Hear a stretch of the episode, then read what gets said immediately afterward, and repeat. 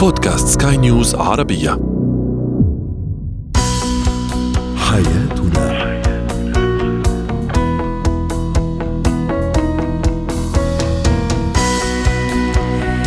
مستمعينا الكرام أهلا بكم معنا إلى حياتنا فضاؤكم اليومي الذي يعنى بشؤون الأسرة وباقي الشؤون الحياتية الأخرى والذي يمكنكم الاستماع إليه عبر منصة Sky News Arabia dot com slash podcast وباقي منصات سكاي نيوز العربية الأخرى.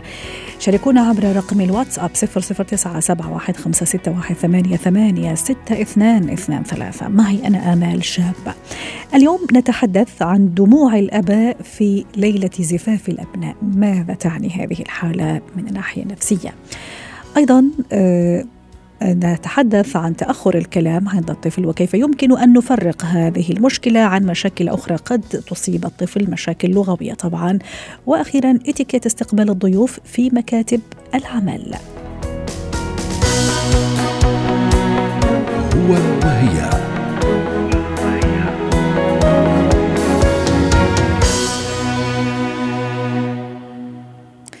لا شك أن أمنية كل أب وأم أن يسعدوا بزواج أبنائهم وبناتهم لكن البعض منهم تنساب دموعهم بشكل غزير وبشكل غير متوقع. ليلة الزفاف بل لا يتمكنون من إخفاء مشاعرهم. هناك من يهرب أيضا أصلا من الموقف. الموقف بالنسبة له صعب جدا.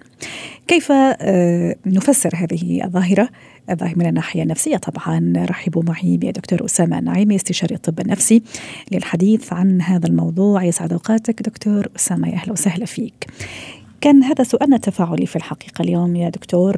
أسباب أو كيف تفسرون دموع الأباء؟ ماذا تعني دموع الأباء في ليلة زفاف الأبناء؟ تعليقات جاءت على منصات سكاي نيوز عربية مختلفة تعليق يقول يرجع بذاكرته إلى سنوات العمر التي مضت وهذا ما يولد حالة نفسية خاصة لا يشعر بها إلا من يعيشها.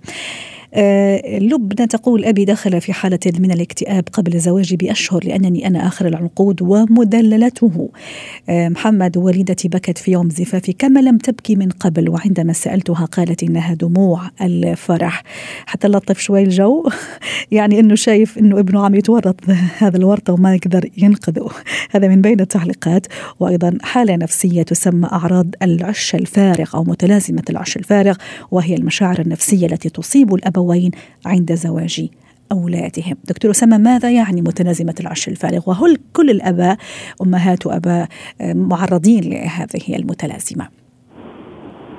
آه شكرا جزيلا على الاستضافة. أعتقد أنه في خلط في الموضوع. فمتلازمة العش الفارغ تحدث بعد خروج البنت أو الابن من البيت وشعور الأب والأم أن الحياة الاجتماعية قصرت عليهما أو عليه أو عليها لكن ما ما يحدث في في فترة الخطبة وفترة الزفاف مختلف بعض الشيء. العش الفارغ هو الشعور بقلة الأهداف بالفراغ العاطفي بالفراغ الاجتماعي. في بعض الحزن وقلة الحيلة أيوه بس بس هذا الدموع دكتور أسامة معلش أنا أتساءل كمان معك ومع السادة المستمعين. يعني هذا الدموع وهالحالة اللي ممكن يدخل فيها الأب أو الأم لدرجة أنه حالة من الاكتئاب يعني تستمر معه لفترة. هذه مش يعني ممهدة لما يعرف بمتلازمه العش الفارغ ولا لا؟ ما, ما في علاقة. ما أنت تفترضي إنه العش سيكون فارغا. لكن قد يكون الأب قد يصاب بهذا الشيء مع كل بناته. يعني عنده ثلاث بنات مع أول بنت يبكي مع ثاني بنت يبكي مع ثالث بنت مش بالضرورة مع البنت الوحيدة أو البنت الصغرى اللي يشعر بعدها بخلو العش مش بالضرورة هذا الشيء. لأنه ممكن الأم تبكي على ابنها الكبير والعش ما شاء الله مليء فيه. الأب وفي باقي باقي الإخوة وباقي باقي الأخوات. لكن متلازمة العش الفارغ تحدث عندما يفرغ العش. عندما كل الأبناء والبنات يغادروا البيت أو إذا كانت إذا كان ابن أو بنت وحيدة وتركوا البيت وتركوا لدرجة أنه لم يملؤوه. يعني آه. هي سافرت أو هو راح بعثة أو وصار التواصل مع الوالدين أصعب بهالحالة أيوه لكن ما يحدث عند الأبوين هذا شيء مختلف جدا اللي يحدث في فترة الخطبة ونهاية فترة الاستعدادات ثم الزفاف. طيب وكيف ممكن نفسره نفسيا؟ أنا راح أستشهد بحالة يعني إحدى إحدى المعارف أو إحدى الصديقات.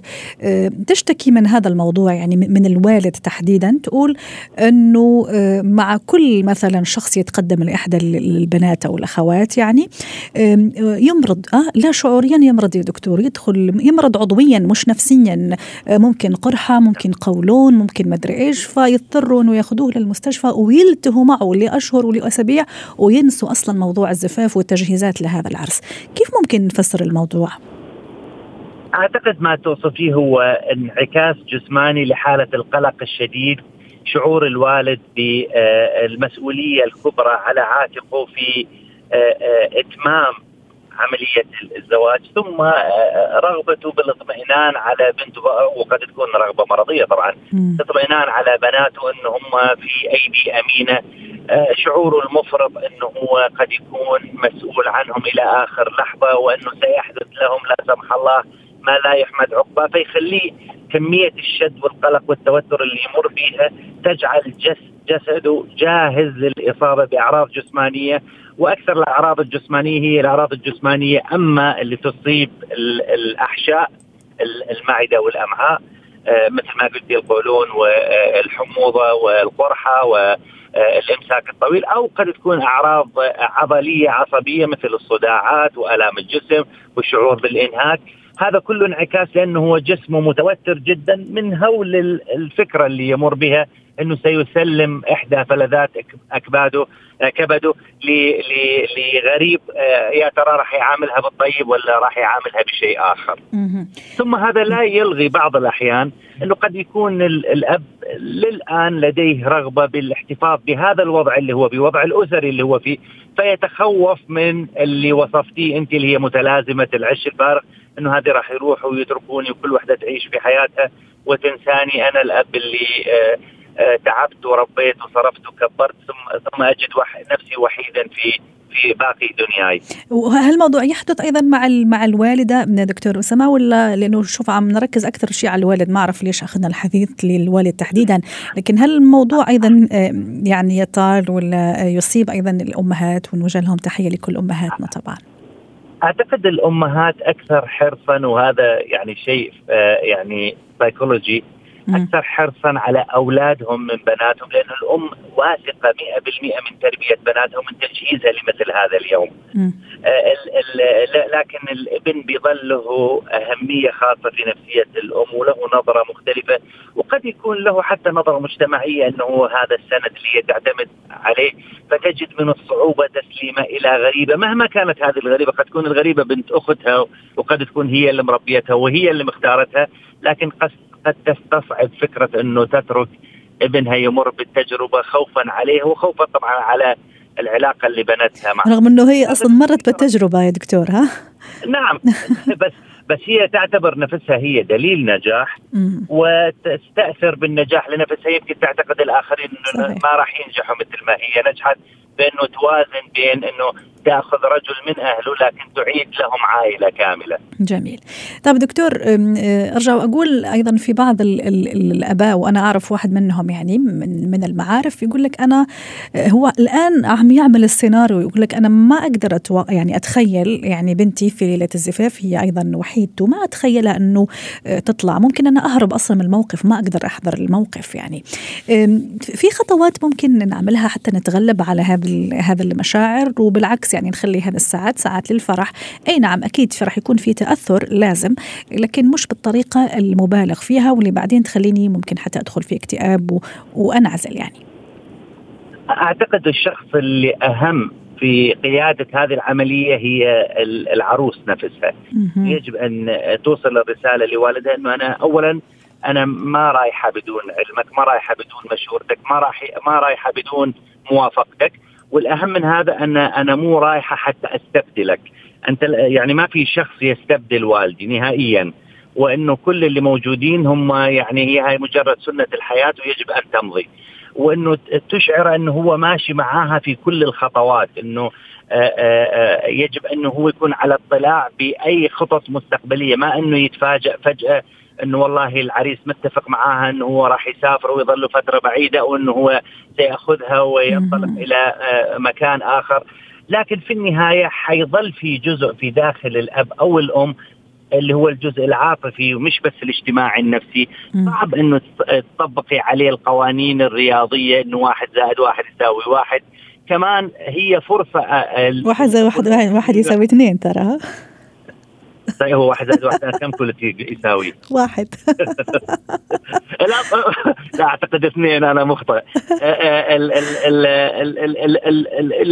فرصه اخيره للاباء انه يعبروا عن اخر مكنونات العاطفه الجياشه تجاه ابنائهم انه إحنا شوفوا إلى اخر لحظه انه متعلقين فيكم إلى اخر لحظه هذا مو معناه انه لا يتمنوا لهم السعاده ولو سئل الاب أو الام في لحظتها صح. الخيار الاساسي بيقولوا قالوا لا كملوا في الزفاف والله ييسر لكم ان شاء الله نفرح بكم صح صحيح. ما شاء الله الكل الاباء والأمهات يفرحوا بأولادهم. شكرا لك دكتور أسامة نعيمي أسعدتنا اليوم بهذه المشاركة وأتمنى لك يوم سعيد. زينة الحياة.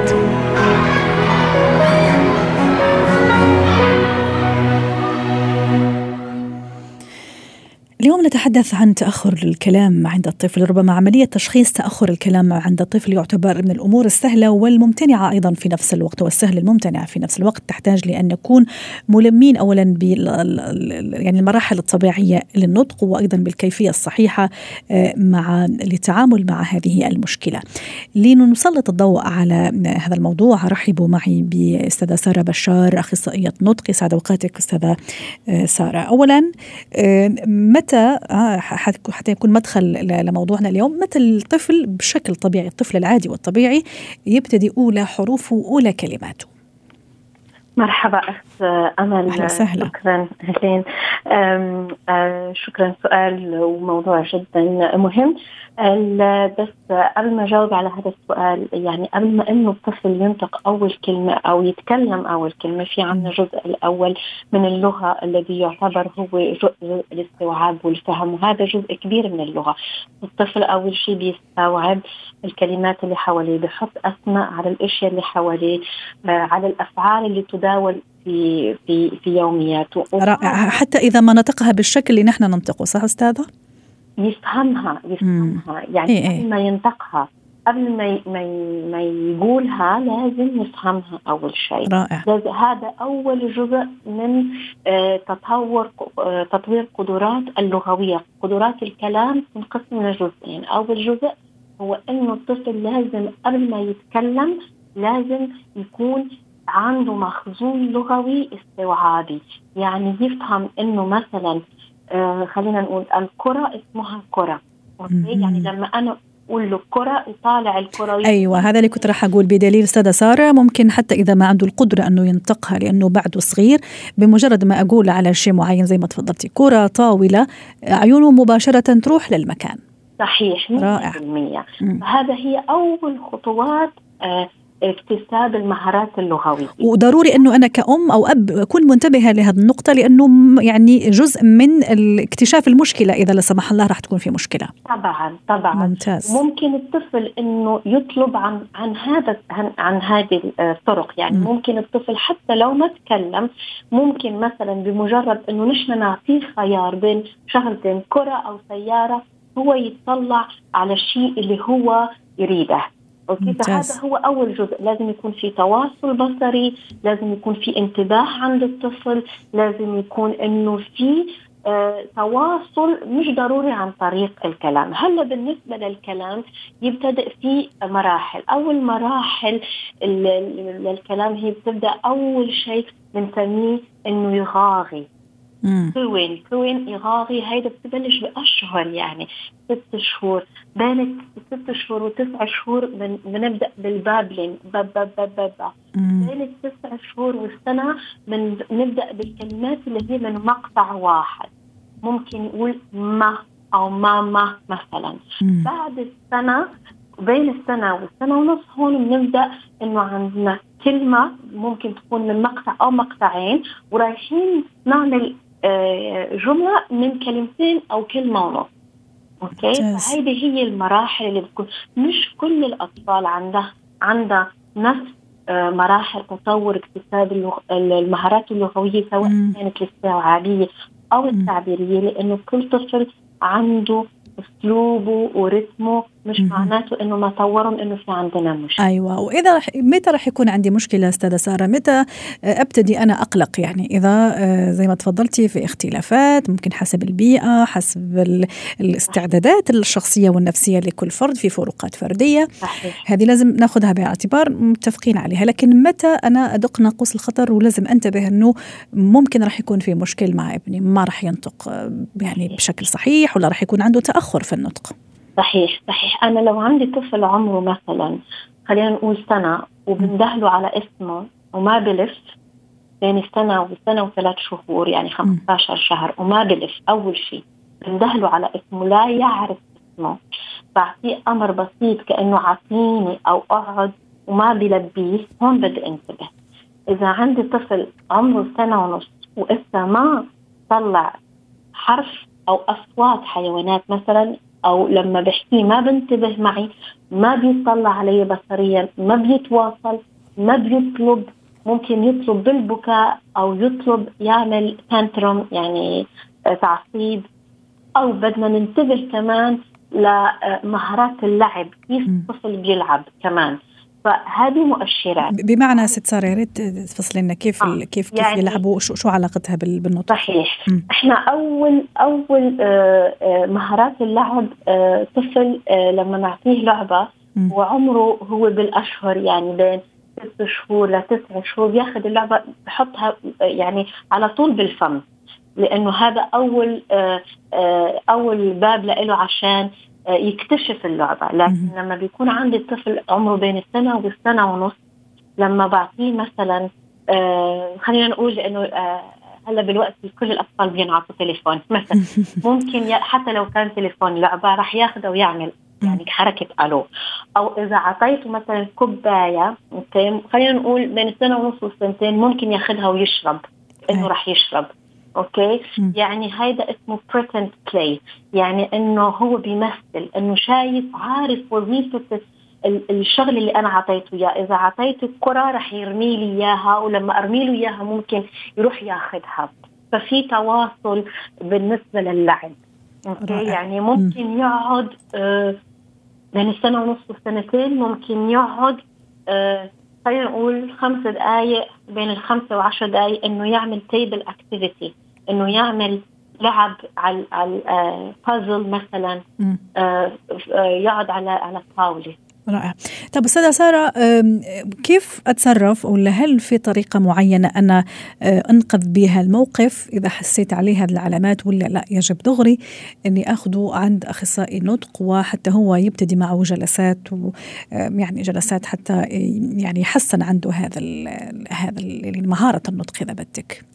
هو بالنسبة لموضوع إنه آخذ استشارة من الطاقم الطبي آه هيدي يعني ممكن آخذها بأي وقت. ولكن كأم أنا في البيت أو كأهل في البيت لو أنا حسيت إنه ابني والله ما ما طور. وأنا أم من قبل أو شايفة أو عندي وعي بالموضوع آه، شايفة إنه ما عم بيطور مثل ما لازم يطور وشايفة في فرق شاسع. آه، بدي أصير فكر إنه شو ممكن يكون السبب وشيل الاشي اللي في المحيط أول شيء. أيوه أنا أنا لفت انتباهي لشيء كثير مهم ست سارة. معلش الوقت داهمنا والمعلومات غزيرة.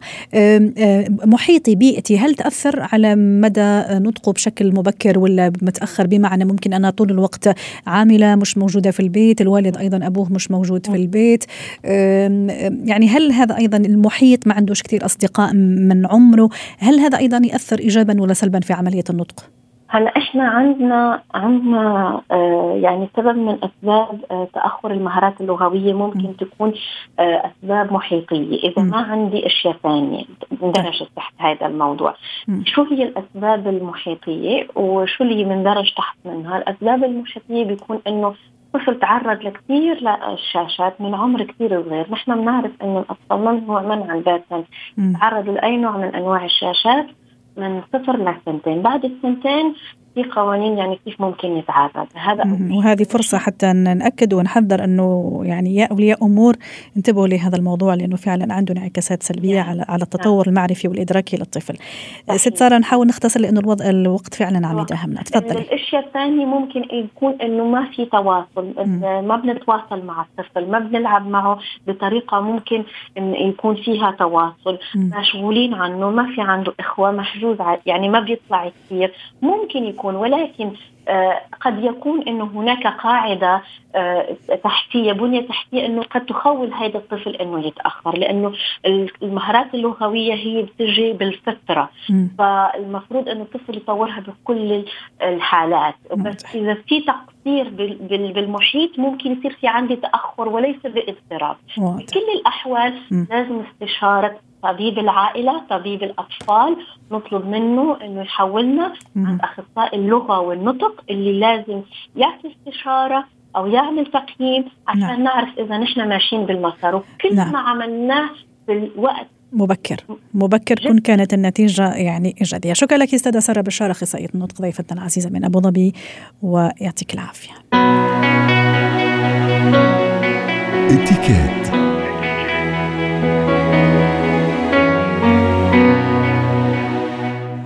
اليوم في اتيكيت نتحدث عن اتيكيت استقبال الضيوف يعني الضيافة في مكتب العمل سواء مشان اجتماع أو ممكن حتى بعض الأصدقاء والناس أو الزملاء حابين يتعرفوا مثلا على بيئة العمل مثلا لشخص معين فكيف أستقبل هؤلاء؟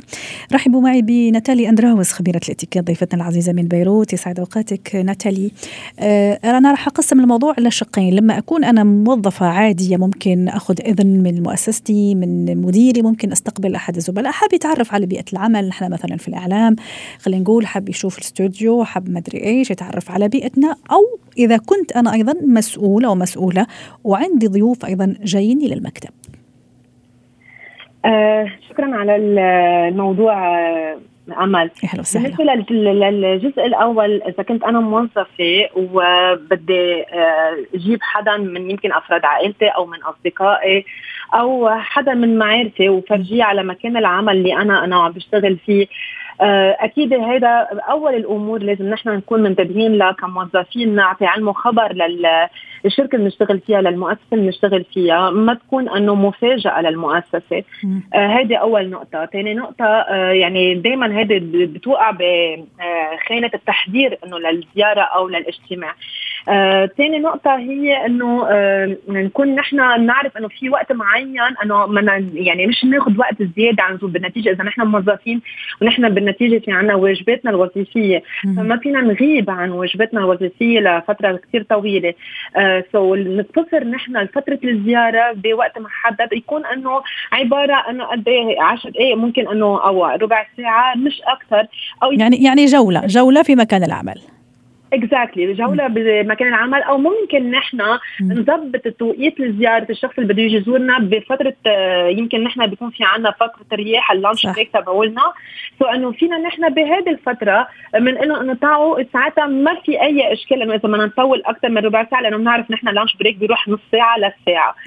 فهذا بالنسبة لموضوع إذا كنت أنا موظفة. طب وأعرف الناس عليهم يا ناتالي مثلا في ناس حابة تتعرف مثلا مين هذا الشخص من من هذا السيدة من هذا الفتاة مثلا اللي مع أمال خلينا نقول مثلا في مكان العمل هل أعرف الزملاء على هذا الشخص على هذا الضيف ولا لا؟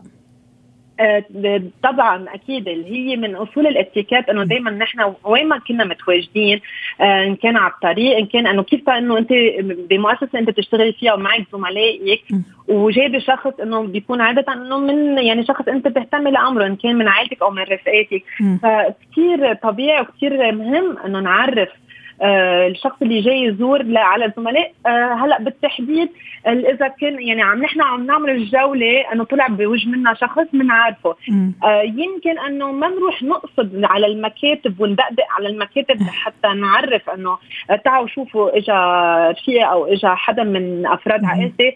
فينا ما نعمل هذا الشيء إلا إذا بحال المدير تبعولي أنا اعلمته أنه جاي حدا من أفراد عائلتي أنه يعمل جولة بالمكان العمل. وهو لياقة أنه احتراما لك أنت آه، اجى هو قصد أنه أو يعني حكاكي أنه سألك أنه إذا اجى الشخص اللي ناطرتيه ساعتها هون بنقصد نروح أنه نعرف, نعرف. على المدير المباشر المدير المباشر علينا. هذا هذا بتصير آه، زيادة من اللياقات واحتراما للمدير اللي هو المباشر علينا. ناتالي إذا كنت أنا المسؤولة أو المديرة ال team مثلا كيف أنا أتصرف أيضا وقدامنا دقيقتين حتى نلم الموضوع يعني نلم أطراف الموضوع؟ تفضلي. إذا كنت أنا مسؤولة وبدي اجاني ضيوف يمكن يكونوا آه، ضيوف لأنه في شغل يعني صح meeting مثلا صح.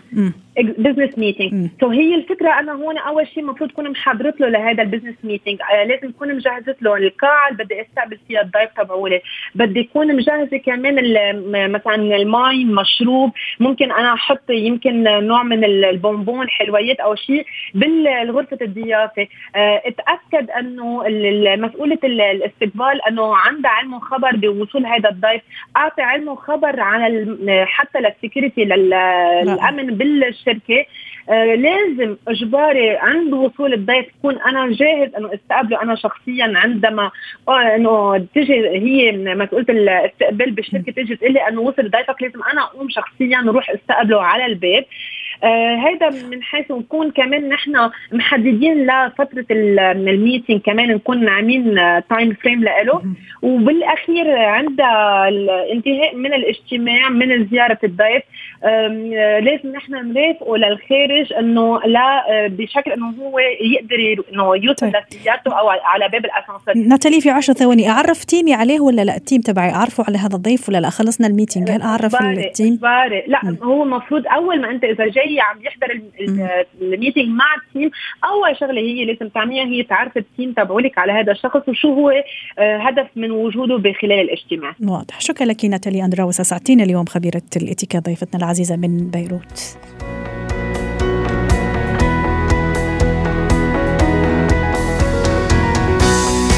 ختام حلقة اليوم من حياتنا. شكرا لكم وإلى اللقاء.